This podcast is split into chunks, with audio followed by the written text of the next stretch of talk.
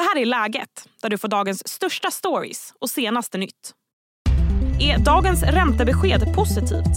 Idag höjde Riksbanken räntan med 0,25 procentenheter vilket innebär att styrräntan nu är på 4% Privatekonomen svarar på era frågor om beskedet. I dagens avsnitt ska vi också snacka fotboll då Nations League snart drar igång. Som vanligt får du även de allra senaste nyheterna. Jag heter Sally Sjöberg. Med mig nu har jag Arturo Arkes. Du är privatekonom på Swedbank och Sparbankerna. Hej Arturo. Hej. Ja, Arturo, först din reaktion på det nya ränteläget. Ja, eh, helt eh, väntat. Eh, det här är någonting som vi hade förväntat oss och vi tror faktiskt att det kan bli en ytterligare räntehöjning i november på också 25 punkter som dagens besked. Mm. Och du har ju chattat med våra läsare här på morgonen. Vi har också bett våra läsare och lyssnare skicka in lite frågor till dig för podden. Mm. Ehm, mm. Och ja, jag tänker att vi ger oss direkt in på frågorna. Vi ja, börjar gärna. med den första frågan från Elon. Varför höjer man räntan så många gånger? Det är därför att Riksbanken gör bedömningen att det behövs för att kunna få ner inflationen. Vi har ju haft en eh, på tok för hög inflation. Inflationsmålet är ju 2 och som mest var inflationen uppe i 12 och för att få ner den här inflationen så vill man strama åt och göra det dyrare för folk att konsumera och på så sätt då få företag och andra att dämpa sina prisökningar. Så att det här är på förekommande anledning. Det finns behov av helt enkelt att höja styrräntan för att få ner inflationen. Astrid skriver, vad innebär beskedet för privatpersoner som har lån för exempelvis fastighet? Ja, jag skulle säga att det här sannolikt eh, innebär en eh, ytterligare eh, ökad räntekostnad. Och det här finns också en risk att det kan sätta ytterligare press på bostadspriserna. Och eftersom hushållen är högt skuldsatta och en hög andel av hushållen har rörlig ränta så är risken stor att det här kan få ganska omedelbara effekter på hushållen i form av ökade boendeutgifter och därmed en ännu mer pressad ekonomi. Sixten frågar dig, jag har inga bostadslån men jag är student mm. som tar CSN-lån. Hur påverkar det här mm. beskedet mig som student? Ja, styrräntan i sig eh, påverkar inte eh, lånet. Och när det gäller studielån som är väldigt, väldigt speciellt så skulle jag som student inte oroa mig. Eh, utan jag skulle nog fokusera på studierna i det här fallet. Eh, Emma undrar, hej Arturo, min ränta går ut i december. Hur ska jag tänka? Binda lånet eller låta räntan vara rörlig? Ja, det där är nog faktiskt en av de absolut vanligaste frågorna jag får i, idag. Och eh, svaret på den frågan beror eh, framför allt på, ska jag säga, eh, hennes ekonomiska situation och riskvilja. Och jag skulle svara så här. Har man goda marginaler och, en låg, och med goda marginaler menar jag alltså en en stark privatekonomi där inkomsterna är betydligt högre än utgifterna. Har jag dessutom en låg skuldsättning, både i relation till bostadens värde och min inkomststorlek, då skulle jag ligga kvar med rörlig ränta eh, om jag hade det. Och det är för att vi förmodligen börjar närma oss toppen nu av de här räntehöjningarna. Men om jag å andra sidan då har en hög skuldsättning, både i relation till bostadens värde och inkomstens storlek.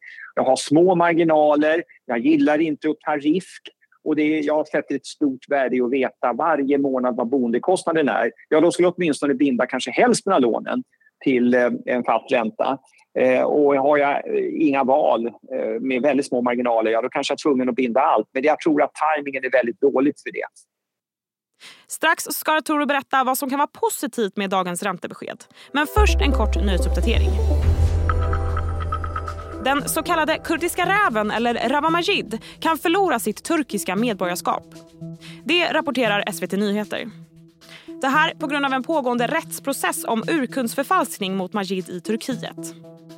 På torsdagen häktades Majid i sin utevaro för fjärde gången. Rawa Majid nekar till brott. Det kommer att bli köttstopp i Oslos förskolor när stadens kommunfullmäktige idag väntas klubba igenom en handlingsplan för hållbar och mer växtbaserad mat.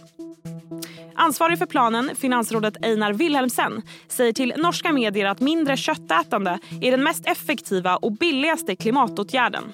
Han menar även att det är ett problem att många barn äter för lite frukt och grönt. Och Han säger även citat att de flesta håller med om att det är sällan man hör om barn som äter för lite korv. Strejken bland manusförfattare i Hollywood kan vara på väg att lösas. Manusförfattarna och producenterna hoppas på att nå en överenskommelse efter att parterna möttes så sent som igår. Strejken har pågått sedan den 2 maj i år. Och manusförfattarna vill bland annat ha mer pengar från streaming och de vill begränsa användandet av AI. Hej, Ulf Kristersson här. På många sätt är det en mörk tid vi lever i. Men nu tar vi ett stort steg för att göra Sverige till en tryggare och säkrare plats. Sverige är nu medlem i Nato. En för alla, alla för en.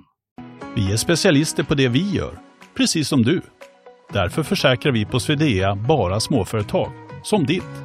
För oss är små företag alltid större än stora och vår företagsförsäkring anpassar sig helt efter firmans förutsättningar. Gå in på swedea.se företag och jämför själv. Nu tillbaka till Arturo. Adnan skriver, jag har precis sparat ihop pengar till en kontantinsats, ska nu köpa en lägenhet. Jag kan dock bo kvar hos mina föräldrar ett tag till. Borde jag vänta med köp? Är det säkert att ha massa pengar på banken just nu? Två frågor där kanske. Ja, ja om vi börjar med det sista där då. Om du har pengar på banken eh, i form av eh, liksom, kontanter och inte placerade i fonder eller aktier så tycker jag definitivt att man ska se till att man har pengarna på ett konto eh, som omfattas av insättningsgarantin. Eh, då är pengarna säkra på riktigt, riktigt. Eh, så det är nummer ett. Se till att ha pengarna på ett eh, inlåningskonto, ett sparkonto med insättningsgaranti. Eh, och det här med att köpa en bostad, det gör man ju för att det finns ett behov. Det är få som köper bostäder i spekulation, även om det förekommer. Så om jag hade varit i hennes kläder så skulle jag vara ute i god tid och vara ute och kika på en bostad eh, och vara väldigt prismedveten och kräsen. För resten av det så kanske hon hittar den här drömbostaden som, som passar med hennes plånbok också. Men om man inte är liksom pressad att flytta, så vad tycker du? Ska man vänta? Och, ja, alltså ja. om jag... Nu vet inte jag hur gammal hon är och hur hennes situation ser ut och mm. om vi pratar om några månader till eller om hon kan bo kvar ett år eller två vi får inte glömma bort också att vi börjar närma oss eh, räntetoppen och eh, bostadsmarknaden har ju varit pressad och i det korta perspektivet så skulle inte jag utesluta att bostadspriserna kan komma ner lite till innan det vänder. Men eh, det innebär ju inte att det är precis det som kommer att ske. Och det kan ju gå fort också åt andra hållet. Att när det väl vänder och fler inser att vi har nått toppen, det blir inte värre än så här. Ja, då kanske fler börjar köpa nu Eh, eftersom det finns ett visst uppdämningsbehov, eller uppdämt behov av att köpa. Dessutom så har vi fortfarande då en befolkningstillväxt, vi har fortfarande bostadsbrist. Så att man får nog inte vara för girig. Så var ute på bostadsmarknaden, var aktiv, håll koll. Och är du inte i panik på något sätt så var extra kräsen då och extra prismedveten. Mm. Eh, Erika skriver, räntan är hög men bostäderna blir billigare. Slår de ut varandra? Eh, ska jag ändå passa på, jag antar köpa bostad, för räntan kommer väl sänkas? Ja. Förstår du vad... Ja. Mm. På den första frågan ska jag säga nej, det gör tyvärr inte det. Det är ju positivt för konsumenter som ska köpa en bostad om bostadspriserna går ner. Men tyvärr så har bolåneräntorna och driftkostnader och andra kostnader stigit mer så att boendekostnaden har ökat på senare tid trots att bostadspriserna har gått ner. Å andra sidan så är det kortsiktigt, precis som, som man kan utläsa av den här frågan. Eh, så när väl då räntan börjar gå ner då kommer man få betydligt lägre då boendekostnader än om man hade köpt eh, en bostad som är betydligt dyrare. Så i det korta perspektivet så kommer det att pressa hushållen lite mer. Man får högre boendeutgifter trots eh, lägre bostadspriser. Men eh, på lite sikt så kommer det naturligtvis få betydligt lägre om bostadspriserna är lägre. Theo eh, är lite glad, eller försöker vara lite positiv här och frågar, finns det något ja, positivt med detta? eh, ja, nu signalerar ju Riksbanken i och för sig att man utesluter inte fler räntehöjningar och eh, i våra prognoser så ligger en räntehöjning till. Men det positiva med det här är att vi börjar närma oss nu toppen på de här räntehöjningarna. Sannolikt ska lägga till. Vi kan ha fel och det har hänt att vi har haft fel tidigare men på senare tid har vi haft väldigt mycket rätt i våra prognoser. Men som sagt, det här är ju en prognos förenad med osäkerhet. Men vi, förmodligen så närmar vi oss toppen nu med stormsteg. Och det kan bli en räntehöjning till och förhoppningsvis så blir det den sista och i så fall i november. Och då kommer det sen då under andra halvåret nästa år förmodligen innebära att man kan börja sänka styrräntan, vilket är till gagn då för den som ska låna pengar. Men det är positivt i och med då att vi är på väg ut eller bort från det här och inte positivt liksom ja, det, själva beskedet. Precis, det börjar närma oss räntetoppen. Ja. Det är det positiva i situationen. Mm. Och att visst, det kan bli lite värre innan det blir bättre, men det positiva är att vi börjar närma oss den här vändningen och eh, också tidpunkten för när man kan börja sänka räntan. Och vi har ju också sett att inflationstakten har kommit ner även om den fortfarande är för hög. Mm. Tack så jättemycket Arturo för att du svarade på våra lyssnares frågor. Tack själv. Snart ska vi prata om Sveriges chanser mot Spanien i Nations League. Men först ska jag dra några fler nyhetsrubriker. Enligt nya siffror från Nasa är isen runt Antarktis en och en halv miljoner kvadratkilometer mindre än vad som är normalt för september. Och forskare är eniga om att ett djuphavsistäcke som krymper är oroväckande. Havsisforskaren Robbie Mallet, som just nu är på Antarktis säger till Ekot att situationen inte går att jämföra med tidigare observationer.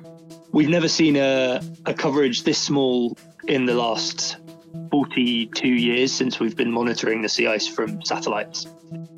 Där hörde vi havsisforskaren Robbie Mallet. Hej, Synoptik här. Hos oss får du hjälp med att ta hand om din ögonhälsa. Med vår synundersökning kan vi upptäcka både synförändringar och tecken på vanliga ögonsjukdomar. Boka tid på synoptik.se. Nu blir det sport.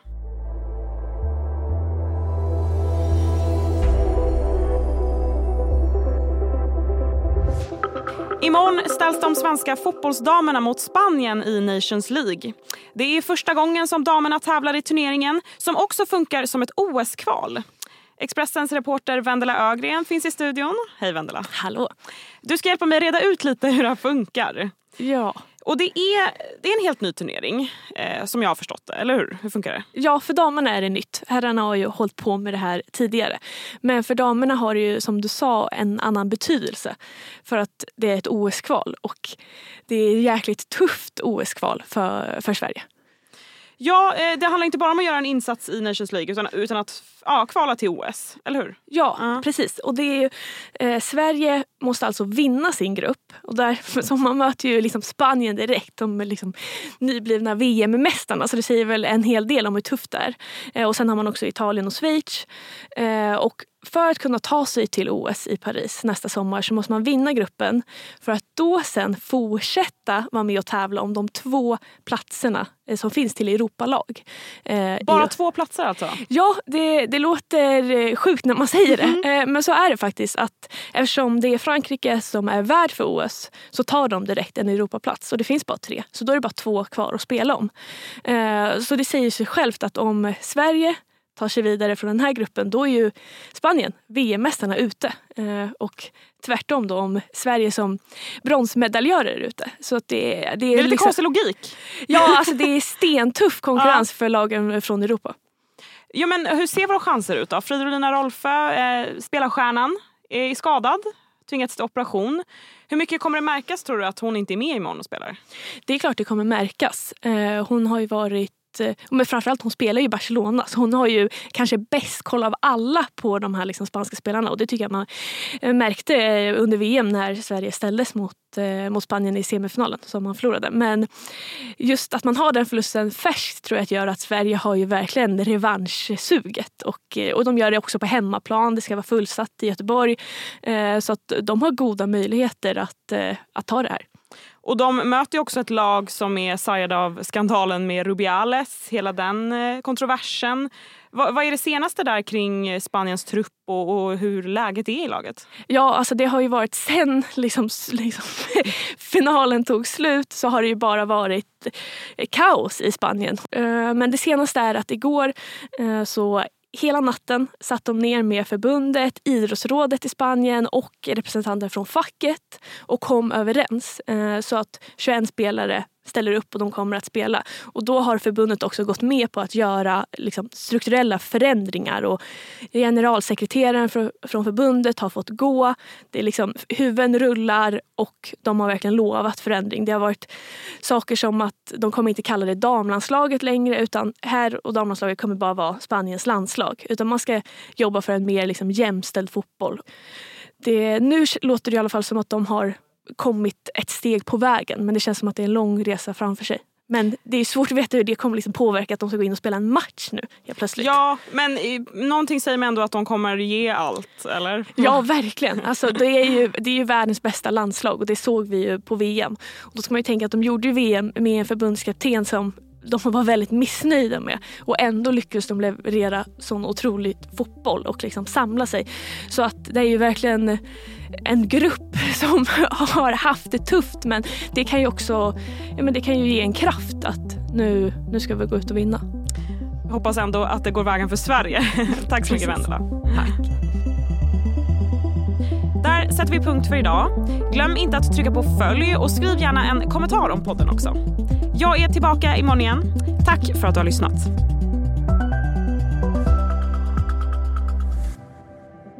Du har lyssnat på en podcast från Expressen. Ansvarig utgivare Klas Granström